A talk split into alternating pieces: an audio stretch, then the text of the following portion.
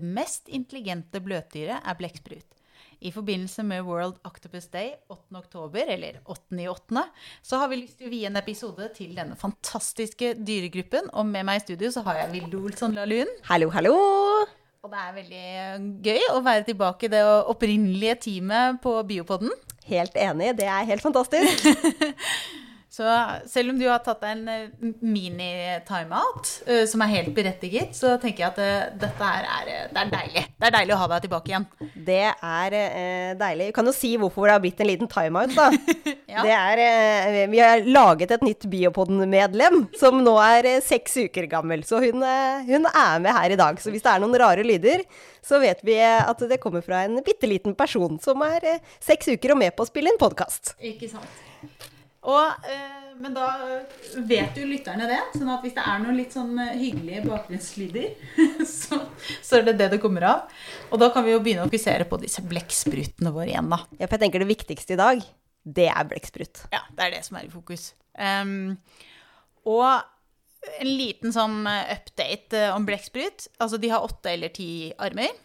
Eh, stort sett partall. Jeg tror ikke man vet om noen som er ni. Det, det ville vært rart. Ja, jeg tror de har åtte eller ti. Og jeg tror eh, hvis de har ti, så er vel de to siste litt sånn uh, tentakler. Ja, jeg tror de også betegnes som det, ja. ja. Og så er det, men på norsk så har jeg inntrykk av at det er på en måte Vi har betegnelsen blekksprut og akkar, men det er liksom Nesten alle går i kategorien blekksprut. Mens på engelsk så har man litt flere. Og så er jo ikke blekksprut nødvendigvis liksom sånn den det er på en måte dagligtalen, så den rommer veldig mye, den kategorien der. Ja, på engelsk så er det vel både squid og octopus og cuttlefish som går for vår blekksprutdefinisjon. Ikke sant? Så vi har tatt oss en frihet til å ta eksempler fra alle de eh, områdene. ja. Og på Store norske leksikon så står det jo at det er hele 800 arter blekksprut. Det er ganske mye å ta av. Alle sammen er rovdyr. Og alle bor i, fersk, i saltvann. Ingen i ferskvann. Men de fins i alle verdenshav. Og det er en ganske gammel eh, dyregruppe også, sånn at de har vært med oss i, eh, i eh, veldig, veldig lang tid. Og jeg leste et sted at verdens største virvelløse dyr er en blekksprut. Ja. Og den kan bli opptil 18 meter. Nei, og det er ganske langt. Det er stort. Kolossbrekkspruten. Mm. Det er uh, fancy greier. Er det kanskje den vi nevnte i dyphavsepisoden vår også? Ja, det er det kanskje. Ja. ja, ja, ja. Det er i hvert fall veldig fascinerende. Og så er de jo ganske smarte. Til å ikke ha noe sånn særlig skjelett eller noe som helst, så er de jo uh, veldig intelligente. Så det er blitt forsket veldig mye på dem også. Har du lyst til å begynne? Jeg har veldig lyst til å begynne. Okay, ja. Jeg må først si at eh, som alltid så var det vanskelig å lese til denne poden, og det var bare fordi det var så mange kule eksempler. Disse blekksprutene de gjør jo alt mulig rart og eh, er som du sier veldig intelligente dyr. Så jeg tok et eksempel, det første jeg skal ta, eh, og det kom egentlig fra en morsom historie. Ja. Vil du høre historien? Ja, jeg vil gjerne høre historien. For dette kommer egentlig fra en historie om at det var mange liksom, akvarie, eller de som jobber på akvariet, som stussa over at noen ganger så var det sånn at enkelte blekkspruter de spruta vann mot noen liksom, spesifikke akvarieansatte, og ikke andre. Så det virka skikkelig som at noen blekkspruter hadde liksom lagt sitt hat da, over noen ansatte, men ikke andre. Og det eh, fikk jo da disse forskerne til å tenke sånn Er det sånn at blekksprut kan gjenkjenne mennesker utenfor tanken? Mm. For én ting er ting de kan gjenkjenne inni vann, men kan de liksom se opp fra en tank og gjenkjenne ett menneske fra et annet? Så det var det de skulle finne ut av. Er du klar? Jeg er klar. Så de tenkte OK, hvordan skal vi finne ut av dette? Det første de trengte, var jo da en blekksprut de kunne forske på. Og de valgte seg Stillehavs gigantblekkspruten. Jeg er jo veldig dårlig på latin. Det er jo du som er de latinske det, av oss. Men den heter da Enteroctoptus dolfelini. Åh. Så det var jo et eh, ganske fint navn. Men den er da Stillehavsgigantblekkspruten. Den er ganske stor. Eh, gjennomsnittlig så eier, veier den opptil 15 kilo og kan være 4,3 meter lang. Så det er en stor blekksprut. Og visstnok er dette også en blekksprut de ofte har i akvarium fordi den er stor og kul. Nettopp. For jeg tenkte sånn er, den, da er den nesten sånn sammen med haien, på en måte. Det er et av de veldig store akvariene, på en måte. Ja, den passer veldig fint i eh, akvariesetting. Og det som også er veldig kult med den, er at den er veldig god til å liksom kamuflere seg og skifte farge. Så den er liksom en, eh, en liten kjendis. Så de valgte seg denne da, for å liksom eh, forske på det. Og I tillegg så har, vet man at denne blekkspruten den er ganske god til å liksom løse litt sånn oppgaver. Har klart å løse litt sånn barneoppgaver eh, før på andre studier. Og man har også skjønt da at den har ganske god hukommelse. Så de tenkte er det noen som kan liksom gjenkjenne mennesker, så er det denne. Så de hadde da eh, en eh, rekke av disse i et akvarium. De hadde åtte stykker som er fanga vilt. Eh, og putta i deg åtte forskjellige akvariumer. Og de eh, blekksprutene de hadde, de varierte litt i størrelse fra 2 til faktisk 30 kilo. Men det var bare fordi de måtte jo ta det de, det de fant, egentlig. Og brukte de. Og det er jo bra, da, med litt variasjon. Ja, det er bra med litt variasjon. Men eh, det visstnok så kan de kategorisere de ganske Men det var noen av de som var fire av de var ganske små, og fire av de var ganske store. Så det var liksom en, en litt forskjell i den mengden med blekkspruter, men fortsatt, de tok det de fant. For sånn er det når man jobber med ville dyr. Og så tok de og putta disse inn i tanker, og det første de gjorde, var å liksom dekke til alle tankene og sørge for at disse ikke liksom fikk noe stimuli og så noen mennesker da, utenifra. Eh, og så eh, hadde de et helt tilfeldig menneske som bare ga disse fort mat eh, et par ganger i, om dagen før selve forsøket begynte. Og så begynte selve forsøket. Da tok de to personer som kledde seg helt likt. Begge var menn, ca. samme alder. Og så var det sånn at den ene skulle da åpne lokket, gi blekkspruten mat, stå og analysere hvordan blekkspruten liksom reagerte, lokke lokket og, og gå tilbake. Sånn ti minutter etterpå skulle neste person komme, åpne lokket, pirke på blekkspruten med en pinne, altså irritere den litt. Analysere hvordan blekkspruten oppførte seg, og så lukke lokket og gå tilbake. Og de hadde jo åtte forskjellige blekkspruter. Og for de forskjellige blekksprutene så varierte de liksom hvilken person som gjorde hva, og også hvilken rekkefølge det ble gjort i. Og så gjorde de dette to ganger om dagen i ti dager. Og så analyserte de da liksom oppførselen til de forskjellige blekksprutene underveis. Og det som var litt spennende, var at på dag 11 så skulle disse personene gå, lokke opp lokket, ikke gjøre noe, og analysere hvordan blekkspruten eh, reagerte. For da skulle man se ok, den blekkspruten som har fått mat av denne personen, vil den da reagere helt spesifikt når den ser denne personen som har gitt den mat hele tiden, kontra den som har eh, pirka på den med en liten pinne, så den har blitt litt sånn urolig. Og det skulle de da finne ut av på dag 11. Hva gjetter du på? Det burde, hadde sikkert ikke blitt et, eh, en artikkel hvis, eh, hvis, man hadde funnet ut at det ikke fungerte. Ja. Ja. Men det som var litt gøy, da, var at de analyserte liksom forskjellige ting som blekkspruten gjorde. For blekkspruter kan jo, som vi har snakka om, eller de er jo intelligente dyr, de gjør jo forskjellige ting. Så det de eh, analyserte, var for det første bevegelsen deres. Om de beveget seg liksom mot eller fra personen. De analyserte fargene, hvis den endra farge. De analyserte eh, pustefrekvens, og de analyserte hvilken vei og om blekkspruten liksom blåste eh, luft, eller spruta luft med vann, da. Og det var jo, eh, kanskje ikke overraskende, men ganske gøy å se at den ellevte dagen, når disse personene bare liksom lokka opp eh, lokket, og blekkspruten bare fikk se dem, så reagerte de forskjellig på personen som hadde gitt dem mat, og personen som hadde irritert dem. Og da var det jo, som man kanskje kunne tenke seg, at eh, personen som hadde gitt dem mat, da kom blekkspruten liksom mot personen, istedenfor å trekke seg fra personen, som den gjorde med den som hadde blitt irritert. Og for pustefrekvens så er det sånn eh, som med mennesker, kanskje, at blekkspruter puster litt roligere liksom ro når de er rolige, når de ikke blir stressa. Begynner å puste fortere når de blir liksom irritert eller stressa. Og da begynte de å puste fortere når de så personen som hadde irritert dem. Og en annen ting eh, med fargeendringen, det syns de var ganske spennende. For det viste seg at de endra farge med kamuflasjen sin når de da så personen som hadde irritert dem. Men det var egentlig ikke noe de visste om at var et tegn på irritasjon. Så basert på denne, denne undersøkelsen så, så liksom kom de fram til at den type fargeendringen er noe blekkspruten gjør når den blir irritert. For eh, pinnestikkepersonen kom, og blekkspruten endra farge og viste tydelig at den var liksom irritert. da. Så det er ganske tydelig at blekksprutene fra liksom under vann klarer å se opp og se på to personer som er kledd likt, begge er menn, ser ganske like ut, og kjenne dem igjen. Og det, det er et annet poeng. Eh, Det var en artikkel som jeg hadde lyst til å ta, var jo rett og slett blekksprutöyne, fordi at de er en dyregruppe som har, har ganske avanserte øyne også. Den tok jeg ikke, så det kan godt hende at vi må spille inn en eh, blekksprutpod til en annen gang. Men eh, det er jo fascinerende. Det er veldig fascinerende. Og det som jeg syns kanskje var mest morsomt med denne, var også at i diskusjonen så diskuterer de hva skal blekkspruten med å liksom ha så godt syn og kjenne igjen. Men er ikke det egentlig en fordel eh, hvis de er so relativt sosialt intelligente dyr? At de, de kjenner igjen hverandre og Ja, men kjenner jeg noe som er utenfor vannet?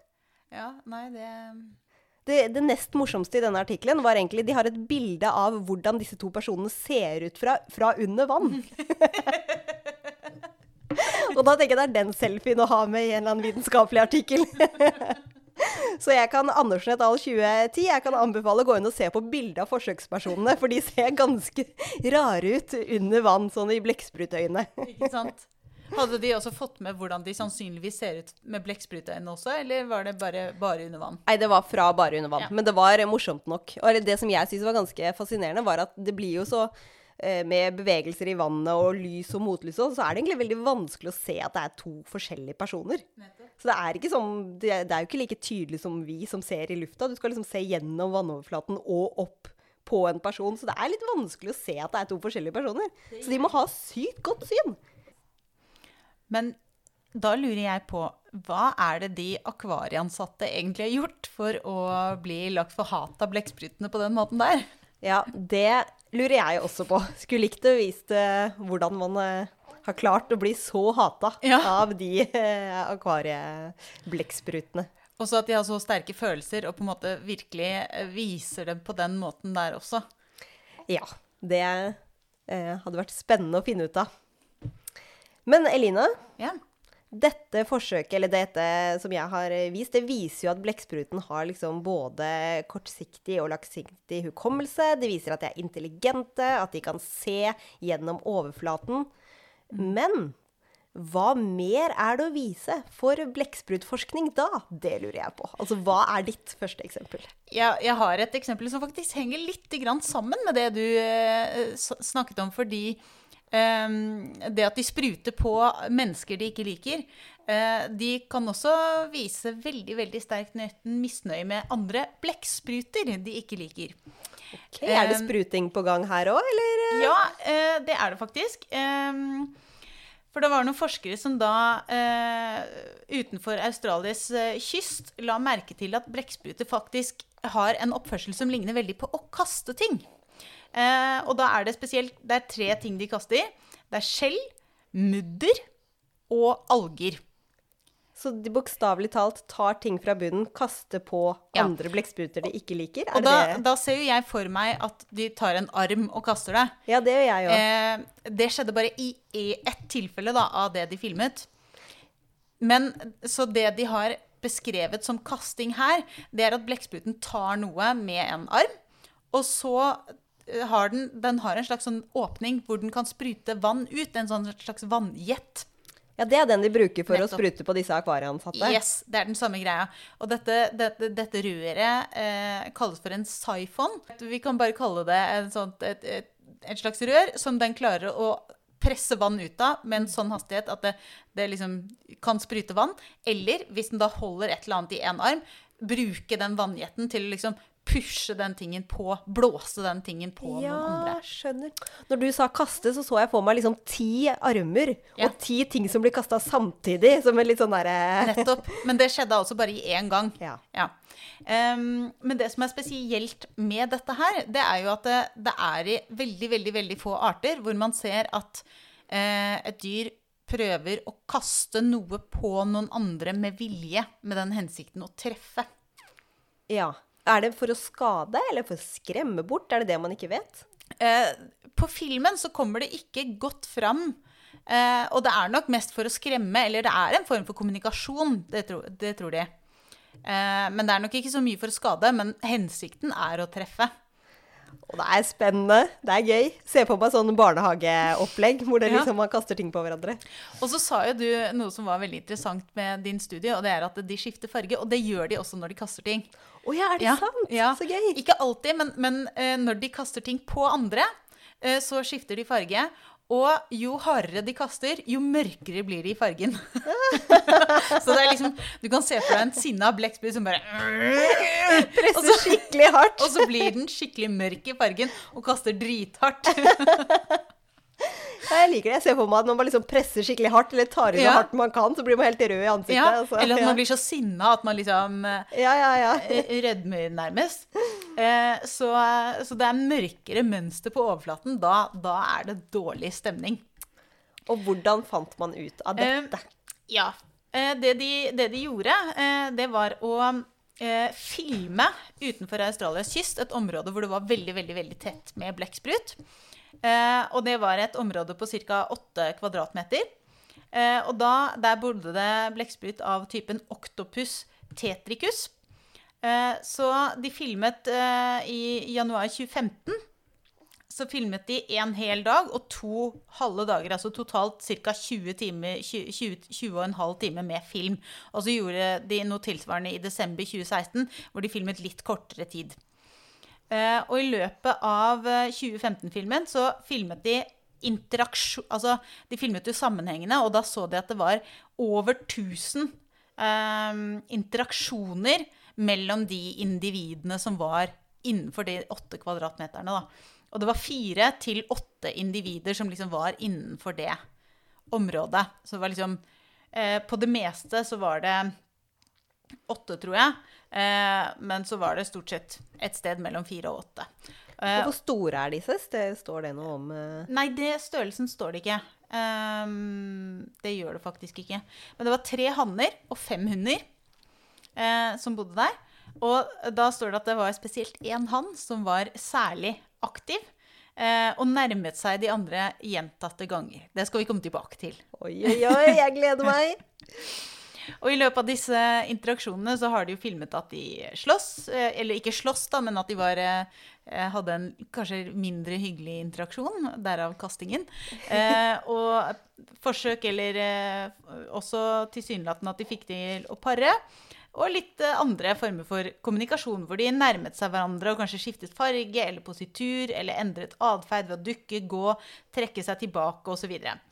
Um, og så beskrev jeg jo hvordan de kaster. Eh, og med et sånn der kast, at de holder et eller annet i én arm, og så tar dette, dette vannrøret og blåser ut, eh, så klarer de faktisk å treffe noe opptil flere kroppslengder unna. Ja, altså de kan sikte og vite liksom eh, hvor hardt de skal Yes. blåses for å treffe noe Yes. spesifikt. Og grunnen til at de tolker dette her som kasting, det er at til forskjell fra annen oppførsel, som å eh, holde opp materialer eller flytte eller dytte noe, så er det veldig åpenbart at det, de prøver å treffe. Ja, med sikting, liksom. Ja. Um, Hvordan reagerer de som blir truffet? Det, ja, eh, det kommer jeg også tilbake til. Oi, Så bare meg, hold på den eh, tanken der. Ja, men det er veldig bra.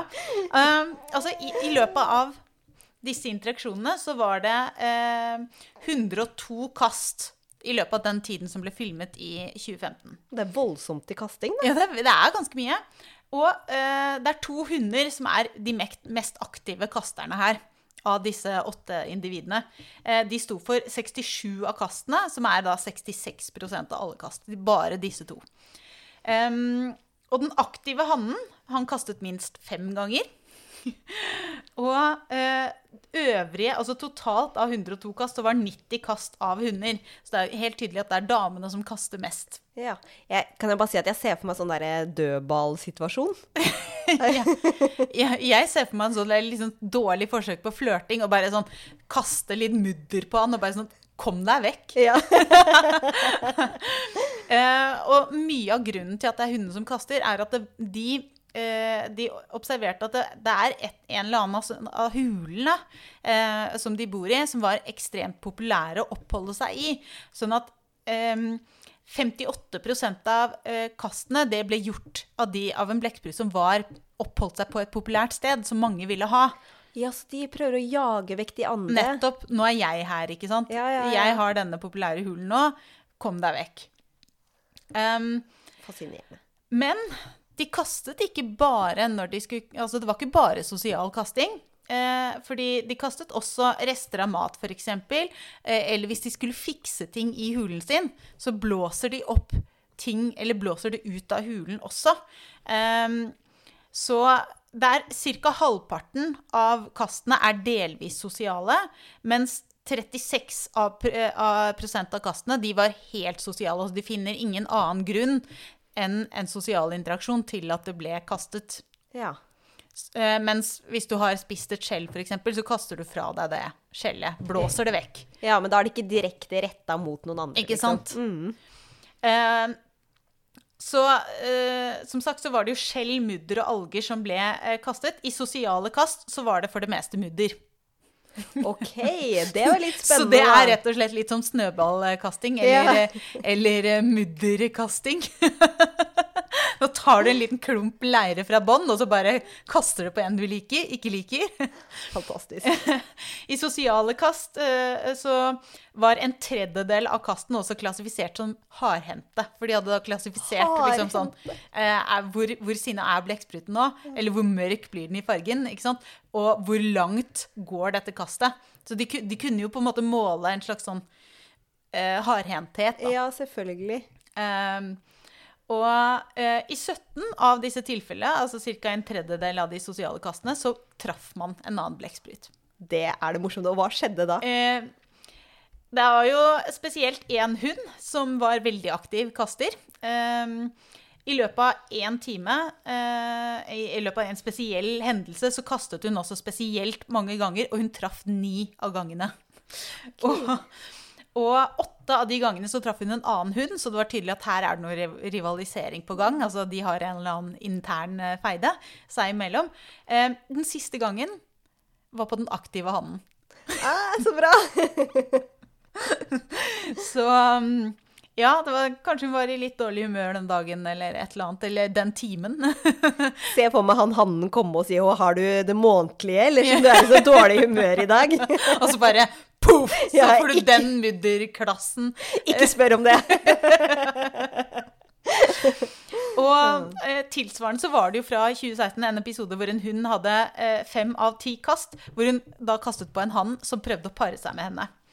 Eh, og det som er veldig gøy med akkurat den episoden fra 2016, det er at fire av de fem gangene så dukket hannen. Og kom seg unna. Nei, altså som, rett og slett som en slags sånn Du ser at han skjønner at Oi, shit, nå kaster hun. Hun har jo kastet fem ganger, da. Ja. Eh, ikke sant? Eh, og så, så etter at hun har truff, eller kastet den første gangen, de fire resterende gangene, så du, dukker han. Og de to siste gangene så dukket han før hun kastet. Så det er helt åpenbart at han skjønte at Oi, nå kaster hun, nå er hun sint. Det er så gøy, for jeg kjenner igjen sånn oppførsel fra skolen. Sånn derre Nå kommer det en eller annen gutt og skal plage deg, Ja. og du prøver å få ham bort. Sånn dårlig flørting. Sånn derre stjele lua-type Ja. flørting. Snøballkasting på vinteren, ja. Ikke sant? Og så er det sånn derre OK, jeg prøver litt til, og så er det sånn Nå ble hun sint, og jeg dukker. Jeg ser at hun er sint. Ja. Så, så det var kun ett treff, faktisk, hvor, eh, de observerte en hann som kastet på en annen hann. Eh, de aller, aller fleste kastene var hund, eh, eller gjort av hunder. Em, så, og hundene kastet tydeligvis på andre hunder og på hanner. Så, så det var Ja, de kaster på alt som er irriterende, de. Ja. Og så kan du si at selv om de stort sett kastet mudder på hverandre når de skulle kaste, så em, har du ikke noen eksempler på at de kastet tilbake igjen. Så det var stort sett enveis. Altså sånn, når noen har kastet én gang, så er det sånn OK. Det er ikke, det er ikke full krig. Eh, Det blir ikke sånn mudderkasting-session på bånn der. Eh, Har noen kastet på deg, så flytter du deg og går vekk. Ja, så de tar hintet. Bortsett fra en gang eh, hvor den påfølgende handlingen etter å ha blitt kastet på, var å dytte et skjell inn i hulen til den andre. Så en form for hevn, da. Og jeg skulle ønske jeg var forskeren som drev og analyserte disse videoene. Det er jo kjempegøy. Og um, Ja. Og den siste tingen på lista mi her, det var jo at ehm, det er også et eksempel på at det var en han, etter å ha prøvd seg på en dame og ble avvist, ganske brutalt, så eh, er det veldig tydelig at han er irritert, fordi han eh, skifter da farge og kaster et skjell i en helt annen retning. Så han kaster ikke på henne, men han bare Åh! Og sånn irriterende Å, så gøy! Så han bare sånn Åh, hun vil ikke ha meg! I dag heller! Ikke, da, ikke henne heller. Nei. Stakkar, det er sikkert ikke første gang han blir avvist. Nei, ikke sant? Så det er tydelig at de kaster også ting bare for å liksom få ut aggresjon. At det er sånn ah, Ja, Viser skikkelig oppførsel. Ja, jeg syns det, det var kjempemorsomt. Det var skikkelig, skikkelig gøy eh, forskning å, å lese om. Ja, det, det skjønner jeg. Og jeg kjenner kanskje ikke at jeg begynner å kaste ting når jeg er irritert. Ja. Både på og vekk fra folk. Jeg er kanskje ikke på. Det er ikke så koselig. Nei, men er folk irriterende, så fortjener de liksom å Bli kastet mudder på. Ja, blir kasta mudder på, ja. I gangen hjemme ha en liten sånn der eh, skål med litt jord i, så hvis det kommer dødselgere, så vet vi liksom Da vet alle det. ja, Lært fra dyreverden. Lært av de mest intelligente bløtdyrene, rett og slett. Det Ja. er fantastisk. Ja. Men hva er ditt andre eksempel? Vi skal over på noe mer seriøst. Fordi nå har vi jo snakka litt om at eh, de spruter på eh, passere de ikke liker, at de kaster ting på hverandre. Nå skal vi over på hvordan klarer disse eh, manetene, nei, manetene sier blekksprutene, å kamuflere seg fra eh, farlige andre dyr som skal spise dem. For det klarer de, og de er kjempe, kjempegode til det. Men det som er litt spennende, og som de har prøvd å finne ut av i denne artikkelen, som faktisk er fra i år, 2021, det er hva med kamuflasje i 3D? For du kan se for deg, Hvis du ser noe ovenifra, Ja. og det er lys som kommer fra den ene eller den andre siden, så vil det jo f.eks. danne en skygge. Og ting ser jo annerledes ut i 3D enn i 2D. Ja, absolutt. Og man har jo lenge tenkt at eh, disse eh, blekksprutene bare liksom gjenspeiler akkurat det som er under dem. At de ser de fargene som er under seg, og bare gjenspeiler det med kroppen sin. Men noen ganger så legger de seg jo på strukturer som ikke er jevne.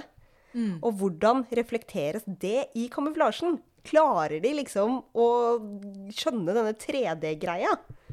Det var det de skulle finne ut av i denne artikkelen.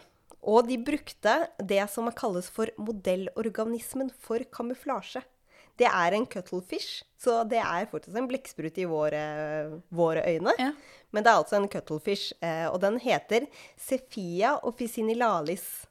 Men på eh, eh, svensk så hadde den et svensk navn. Da het den bare Sefialis. Ja. Men jeg tror eh, Eller noe som ligna på det. Men eh, den Jeg fant ikke ut om den har et norsk navn. Men den er i hvert fall eh, den eh, blekkspruten som brukes mest i liksom, kamuflasjeforskning. Da. Fordi den er kjent for å, å kamuflere seg veldig, veldig godt.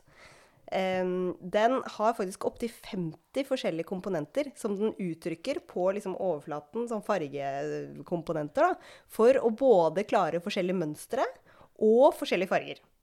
Så den er en eh, mester i kamuflering. Og det de ville finne ut av, var jo om den klarer også å kamuflere i 3D. For det de vet, er at eh, disse blekksprutene kan se 3D. De har gjort noen studier på tidligere at blekkspruter som eh, ser ting i 3D, klar, eller de ser ting i 3D ved at de jakter og bruker da 3D-relieff når de jakter og finner sin egen mat. Nettopp. Så man vet at de ser 3D, men klarer de liksom reflektere det i kamuflasjen sin? Jeg, jeg tenker at det bare viser utrolig bra hvor intelligente de er. Fordi det krever jo litt eh, å forestille seg noe som er i 3D. Det er én ting. Men så eh, også det hvor godt syn de har. ikke sant? For de må jo også se det som de gjemmer seg på, og alt, alt dette her. Altså, de er jo bare helt sykt fascinerende. Ja, for de må liksom se både fargene og strukturene, og at det faktisk er et 3D-relieff, da. Ja, Og så- og se for seg hva den andre ser. Ja, ja. Og det er akkurat det. Klarer de det? Og måten de skulle finne ut av det på, var at de da tok en rekke. De hadde 20 av disse cuttlefishene, eller disse blekksprutene, eh, som var klekka og var ca. 4-5 eh, måneder gamle.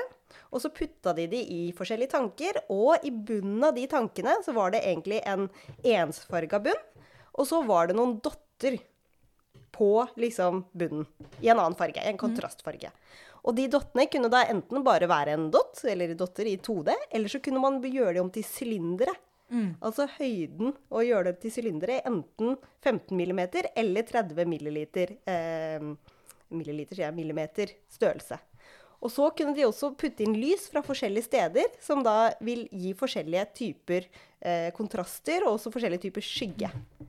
Og så putta de da blekkspruten oppi og så hvordan er kamuflasjen forskjellig fra 2D-dottene til 3D-sylinderne, og også forskjellig i liksom skyggen da, som, som de legges over. Og det de fant ut av, var jo at det er stor forskjell på kamuflasjen de lager i 2D eller i 3D.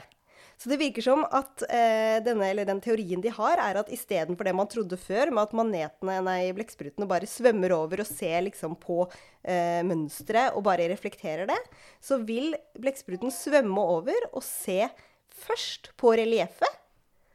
Og egentlig reflektere eller huske på det. Og så vil de se på fargen. Og så vil de prøve å reflektere det i kamuflasjen de lager.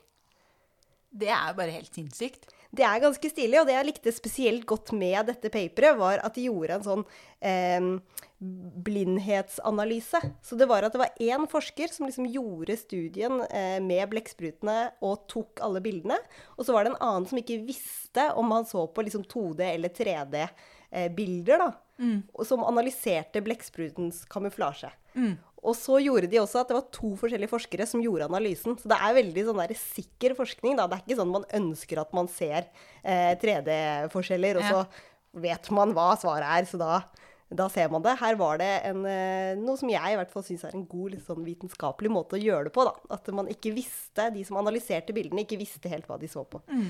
Så da kom de fram til at eh, de klarer faktisk å både forstå og huske på og reflektere 3D strukturer i sin egen kamuflasje. Ser de, vet de også hvor, eh, hvem som på en måte observerer dem? Hvem de gjemmer seg for? Sånn at de vet retningen, liksom? Nei.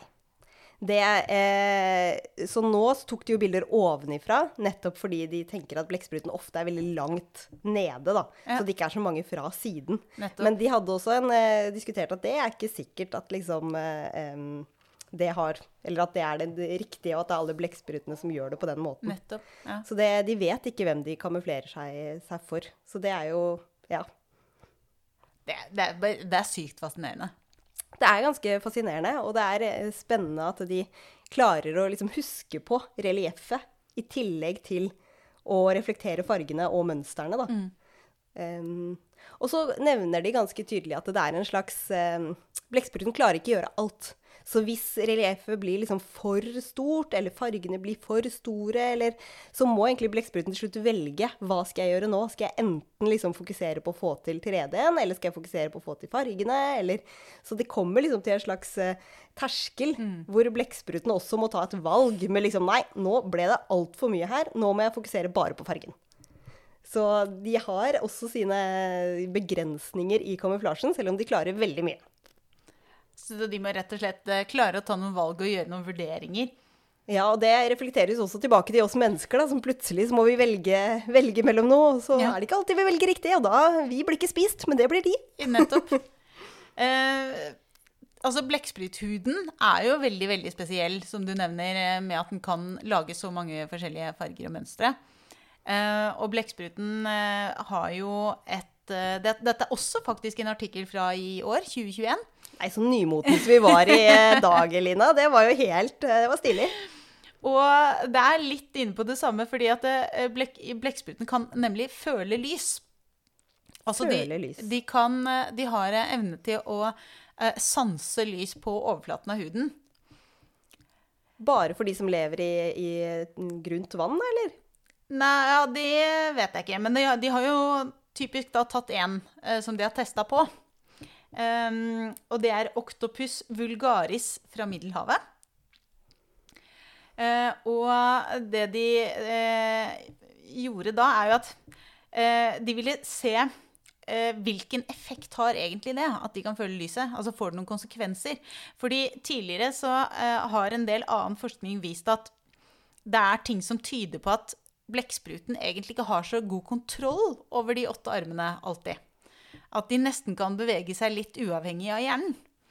Og så armene har sin egen hjerne. Ja, og så vil de teste da, om eh, de på en måte også har sitt eget syn til en viss grad, og at eh, det fører til bevegelser som hjernen kanskje ikke er helt eh, nødvendigvis med på. da. stilig. Og hva, hvordan dette overstyres og sånt noe. For du kan jo se for deg Vi har jo to armer og to bein. Og så har du dobbelt så mye. Det er mye å holde styr på. Det er mye å holde styr på. Ehm, så, så de ville rett og slett sjekke kan armene ta sine egne beslutninger, eh, og i hvilken grad kan de faktisk sanse lyset. Eh, for de har funnet proteiner eh, og proteinreseptorer i huden som heter opsiner, som de også finner i øyet til blekkspruten. Og i andre sammenhenger så har de også funnet ut at disse obsidene har den typen effekt, da. Er disse oppsidene er det liksom lyssensitive proteiner? Ja. Men de kan også være sensitive for andre ting. Men i blekksprut så er de lyssensitive. Så da tok de eh, blekkspruter som de satte i hver sin egen tank. Og når blekkspruten liksom klabbet rundt inni i tanken og på glasset på tanken, så prøvde de å lyse på armene med en lommelykt.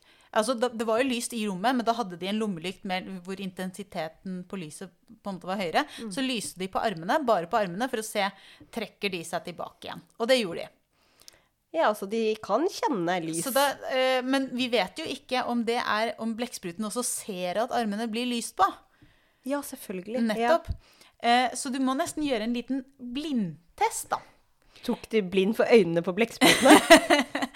Det, de kaller det en synsuavhengig test, Og det de gjorde, var jo rett og slett å kle tanken eh, i et mørkt materiale, og så ha et lokk på toppen, og så trente de blekksprutene til at oppå der, oppå lokket, så er det mat. Så da må de blekkspruten stikke en vann ut, en hånd, en arm, ut av vannet, og så opp gjennom det hullet, og så kjenne etter hvor over der hvor det er mat. ja, og da ser de ikke. Da ser de ikke. Jeg hadde stemt for bind for øynene. Ja, det er jo nesten det, da. Det men det er, bin bind, det. det er jo bind for hele kroppen, på en måte. Ja, det er sant. Um, så når de hadde lært at det var mat der oppe, så kunne forskerne også prøve eh, Først så kunne de prøve å lyse litt på forskjellige steder, og så se når, når armen på en måte følte rundt oppå tanken der. Eh, hvis den traff lys, så gikk den, trakk den seg tilbake der. Men hvis den ble trent i at det var lys, eh, mat ett bestemt sted, og de lyste på det stedet også, så fant de ut at ok, i begynnelsen så ville den trekke seg tilbake derfra. Men eh, det viser seg at den kan også overstyre den refleksen. Så, eh, og det tror de at er hjernen, som rett og slett sier ja, det er lys der, men det er viktigere at du henter den maten. Ja, så egentlig så vil armene trekke seg tilbake liksom som en refleks når det blir lyst på, Ja. men hjernen kan overstride og si nei, drit i det, hent maten. Nettopp. Så hjernen har på en måte totalkontrollen. Den har siste ordet. Nettopp. Eh, men, det, men det er veldig mye som tyder på at de kjenner lys her. Men er det det samme som også hvis vi f.eks. tar på noe varmt? Og hvis du tar på noe veldig varmt, eh, som, så får du en refleks til å trekke hånda tilbake. Men hvis du vet det, så kan du jo tvinge deg selv til å holde hånda. Sikkert noe av det samme, at du har noen sånne reflekser, ja. Det vil jeg tro. Eh, men så testet de også å se eh, oppførselen til blekksprutene i tanker med eh, hvor det var mørkt, og hvordan de var når det var lyst. Og da så de at gjennomgående så beveger blekkspruten seg på en litt annen måte når den utforsker tanken i lys enn når den gjør det i mørke. Um, når den gjør det i lyset, så har den stort sett armene liksom litt, krølla, litt mer krølla inn, litt tettere til kroppen, litt mer forsiktig med å stikke armene langt bort fra seg. I mørket så ser du at den bare eh, brer seg utover hele, og da ser den jo kjempestor ut eh, til sammenligning. Da ser du liksom størrelsen på den. Eh, men, men det vil den ikke gjøre i lyset. Så det er veldig mye som tyder på at den har ganske god kål på, på lys og mørke. Men der kan det jo være øynene. Der er det jo ikke nødvendigvis. Um, Men sier de noe om hvorfor det kan være nyttig for en blekksprut å sense lys? Ja. Med armene? ja, det gjør de. Og de gjør det. Vi kommer tilbake til det òg. Du er altfor smart, Vilde. Du stiller de riktige spørsmålene. Eh, men, eh, men først så vil de også teste om det er forskjell på hvor på armen. Det er lys. Så hvis, og det fant de ut at eh, hvis de tok ytter på tuppen, så var det veldig høy respons på å trekke seg unna lyset.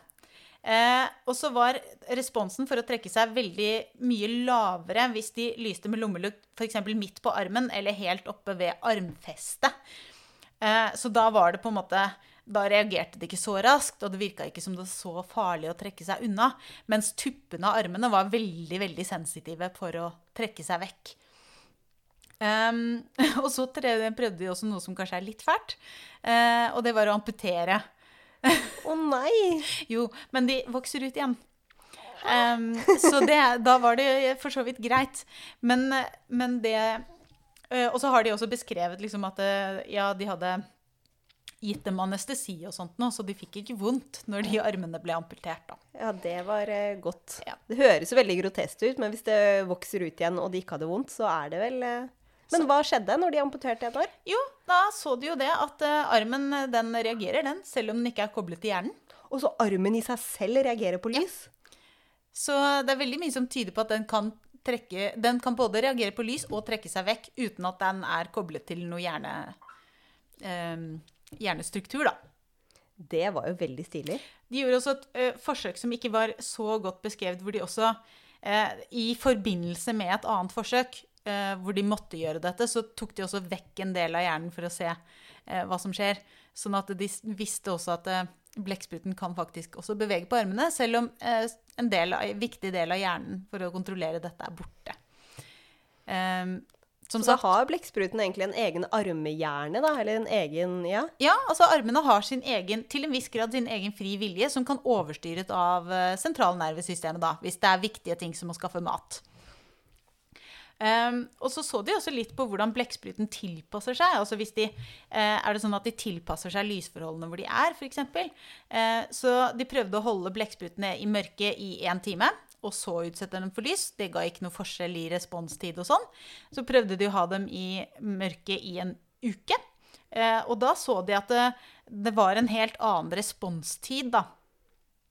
Eh, eh, og- men heldigvis så viste det seg at etter at de fikk sin normale lys-mørkesyklus tilbake, så, så responderte de på samme måte som før. Så de tilpasser seg De tilpasser responsen til, til, til det, de lysforholdene de er eh, vant til, eller Ja, til miljøet de er i, liksom. Nettopp. Um, så, og så kom de til dette med hvorfor er det sånn, da? Hvor, hvorfor er det en, for, en forskjell? Og det var jo det som var spørsmålet ditt. Altså er det en fordel å kunne ha armer som kan bevege seg på egen hånd? Um, og så det, til lys, for jeg tenker det eneste lyset de har, er vel sollys, og det er vel kjempenaturlig? Ja, ja, nettopp. Uh, men de liker jo også å gjemme seg i huler og sånn. Um, og forskerne hadde jo flere De diskuterte jo også litt sånn Hva er det som er årsaken eh, til at armene kan bevege seg litt på egen hånd? Og det første de sier, er jo at det, det er kanskje litt mye å ha én hjerne og åtte armer. Ja. Det Blir forvirra sjæl. Ja, det er litt mye å holde styr på, rett og slett, til enhver tid. Og særlig når du har bare to øyne, og så på en måte vite hvor alt er til enhver tid. Og, å kontrollere det sentralt, det er en kjempekoordineringsoppgave.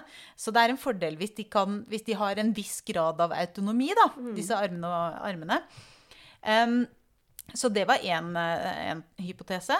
Um, men så ser det også ut som at uh, det er en annen viktig del, og det er at armtuppen ser veldig ut som en liten mark. Ja. Og det, mark er det veldig mange fisk og andre ting som spiser. Så hvis en liten mark eh, er ute og ser veldig fristende ut eh, i lyset, så er den veldig synlig for veldig mange ting som spiser den. Så selv om, selv om eh, blekksprutens eh, armer, i hvert fall for denne arten, vokser ut igjen, så er ikke det noe som eh, Men man vil ikke ha markarmen sin rett utafor hula. Nei, det er veldig lite lurt å liksom friste med fingertuppene, eh, på en måte. Ja, det skjønner jeg. Men Så da er det en fordel at de tuppene bare reagerer liksom på egen hånd. Og da er det antagelig også derfor de reagerer mye raskere enn lenger opp på armen. At lenger opp på armen så ligner det ikke så veldig mye på mark, så det er ikke så farlig at den trekker seg inn. Mens eh, finger, eller liksom tuppen av armen er viktig at den kan trekke inn litt sånn på egen hånd, for den må reagere og holde seg unna lyset. Og det var nok også derfor i, når de filmet blekkspruten i lyset, at den ikke strekker armene sine så langt ut da når den utforsker ta- tanken, f.eks., som den ville gjort, gjort hvis det er mørkt. Det gir jo veldig mening. Det gjør det. Og så tenker jeg det gir litt mening, for nå ser jeg for meg en blekksprut som ligger typ gjemt under en stein.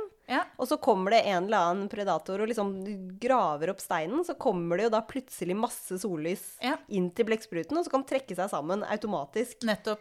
Det Ellers- gir jo egentlig mening. Eller så ligger du og sover i hulen din, da. Altså, siden armene nå først eh, har eh, sin egen autonomi, så har du en arm som liksom er på vift utenfor hulen, eh, og denne marktuppen stikker ut. Og da er det litt greit at hvis det er lyst ute, og den, den veldig, veldig fristende lille matbiten da syns, at den bare trekker seg inn igjen og bare Nei, jeg holder meg her i mørket hvor jeg er godt gjemt. Så det var egentlig veldig morsomt. Um, Og det er gøy at de hadde en god teori på hvorfor de gjør dette. For ofte syns jeg de ser mye spennende, og så er det sånn ja, vi vet ikke helt hvordan de, hvorfor de gjør dette. Ja, De var ikke helt sikre, da. Men, eh, men det er i hvert fall hypotesen deres. Jeg liker det. Ja. Jeg liker det. Og nå har vi jo kommet til den delen som vi pleier å synes er veldig morsom. Fun fact-delen. Jeg har en blekksprut-fun fact. Vil du Ja, høre på ja, den? Veldig gjerne. Min fun fact er at blekksprut kan fly. og det morsomste med den fun facten er at Flakse med de åtte ja, liksom. ja, men det er nesten det. Og det morsomste med den fun facten er at jeg må be alle om å bare google det på YouTube og se på den første videoen, for det er kjempegøy. De lager, Det er visstnok forskjellige måter de kan gjøre det på. De Ja. hopper liksom litt som en fisk, da, ser Ja. det litt ut som. Men noen av de kan ta disse armene sine og liksom lage forskjellige strukturer som da ligner på en propell eller på en, en, en vinge. Og så kan de bruke den til liksom sprute seg selv ut av vann og fly av gårde. Og videoen om en på YouTube er relativt eh, morsom når du ser bare en flokk av blekkspruter som liksom hopper av gårde Du, det må, over jeg, det må det- jeg rett og slett gå inn og se på. Så de kan fly, og det syns jeg var ganske fascinerende. Mitt, eh, mitt eksempel det er en, eh, en fyr som eh, har kommet med et forslag, nemlig at man kan bruke blekkspruthuden og bli inspirert til å lage soldatklær. Eller, eller klær som sådan, fordi at, nettopp fordi de er så gode på å skifte farge og sånn. Eh, så, men det som jeg bet meg merke i her, det er jo at eh, i innledning så skriver han at eh, sånne klær skulle kunne brukes av militæret og i bryllup. Eller et formelt antrekk på jobb, eh, uformelt når man går ut. Eh, eller klær som kan skifte farge med humøret. Og den siste var så morsom. Nå er jeg helt rød, jeg er dritsint. Ja, ikke sant? Og det er, passer jo veldig godt med blekkspruter som kaster ting. Så det burde jo ikke være så vanskelig å få til. Men er det en teori, eller har han klart det? Eh, Nei, det er eh, rett og slett eh, en, en eh, eh, Sånn jeg har tolket det i hvert fall, så er det et, eh, et forslag på hvordan man skal gjøre det. Eh, Og at eh, hvis man gjør sånn og slik, så vil man kunne lage et, eh, et materiale eh, som har disse egenskapene. Da. Jeg tolker det ikke som at han faktisk har gjort det. Ehm, men uh, de som uh, hører på dette, må jo gjerne gå inn og lese, lese det selv. Uh, men jeg, jeg har tolket det som at det er en slags sånn proposal eller et, forslag. Um, Jeg er veldig fascinert over hva han tenker på med bryllup. ja, altså, det var særlig, særlig det der fra militæret og bryllup.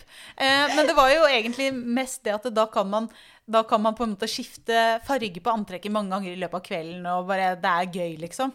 Um, Karneval. Ja, skikkelig. Men um, han beskriver også blekkspruthuden.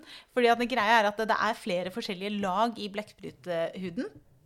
Og da har du øverste lag så har du noe som heter eh, kromatoforer, som er liksom en sånn sekker med fargepigmenter, og som er, som er kontrollert av en ring av muskel, muskler. Og utvidelser av den sekken, så kan du produsere på en måte én piksel da, på huden. Em, så har du mange, mange, mange sånne, så kan du liksom lage et mønster. Um, og hvis den trekker seg sammen, så forsvinner de pikslene, og da syns det laget som er under.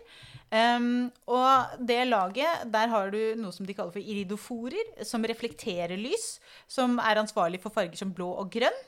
Og så har du det nederste laget som de kaller for laukoforer, som er litt mer passive celler, som uh, er mer involvert i sånn ja, lysspredning, da, sånn jeg tolker det. Og så har du også disse opsinene som er lyssensitive, som på en måte da også kan eh, fange opp lys.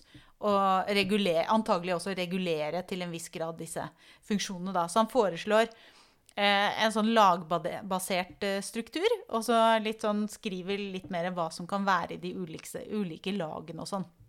Nå ser jeg bare for meg tidenes tyngste og minst behagelige brudekjole ever. ja, jeg tror ikke Jeg tror vi er et stykke unna. Eh, og dette det, Den er jo skrevet på en nokså festlig måte, da, denne artikkelen. Sånn at eh, Ja, men det, det, hadde jo vært gøy hvis han fikk penger til å forske på det videre og lage de kuleste bryllupsklærne. Eller også kanskje Jeg tror de er litt upraktiske militærklær, men for all del. Altså Vi holder øynene åpne. det gjør vi. Og med det så tror jeg kanskje vi skal begynne å rynne litt av. Høres bra ut. Ja. Jeg minner om at 12. november så har vi biokonferansen. Eh, og da er temaet 'De umistelige'. Det er alle arter og natur som vi rett og slett i virkelig ikke må miste. Så hvordan skal vi ta vare på den? Det er temaet. Og så minner jeg om at nå er det lov å møtes fysisk, så da er det bare å melde seg på. Og eh, konferanseprogrammet det ligger ute på nettsidene til BIO, så det er bare å begynne å melde seg på allerede. Og så håper jeg vi ses der. Vi gleder oss. Det gjør vi. Vi høres. Ha det bra. Og ses. Og ses. Ha det bra. Ha det.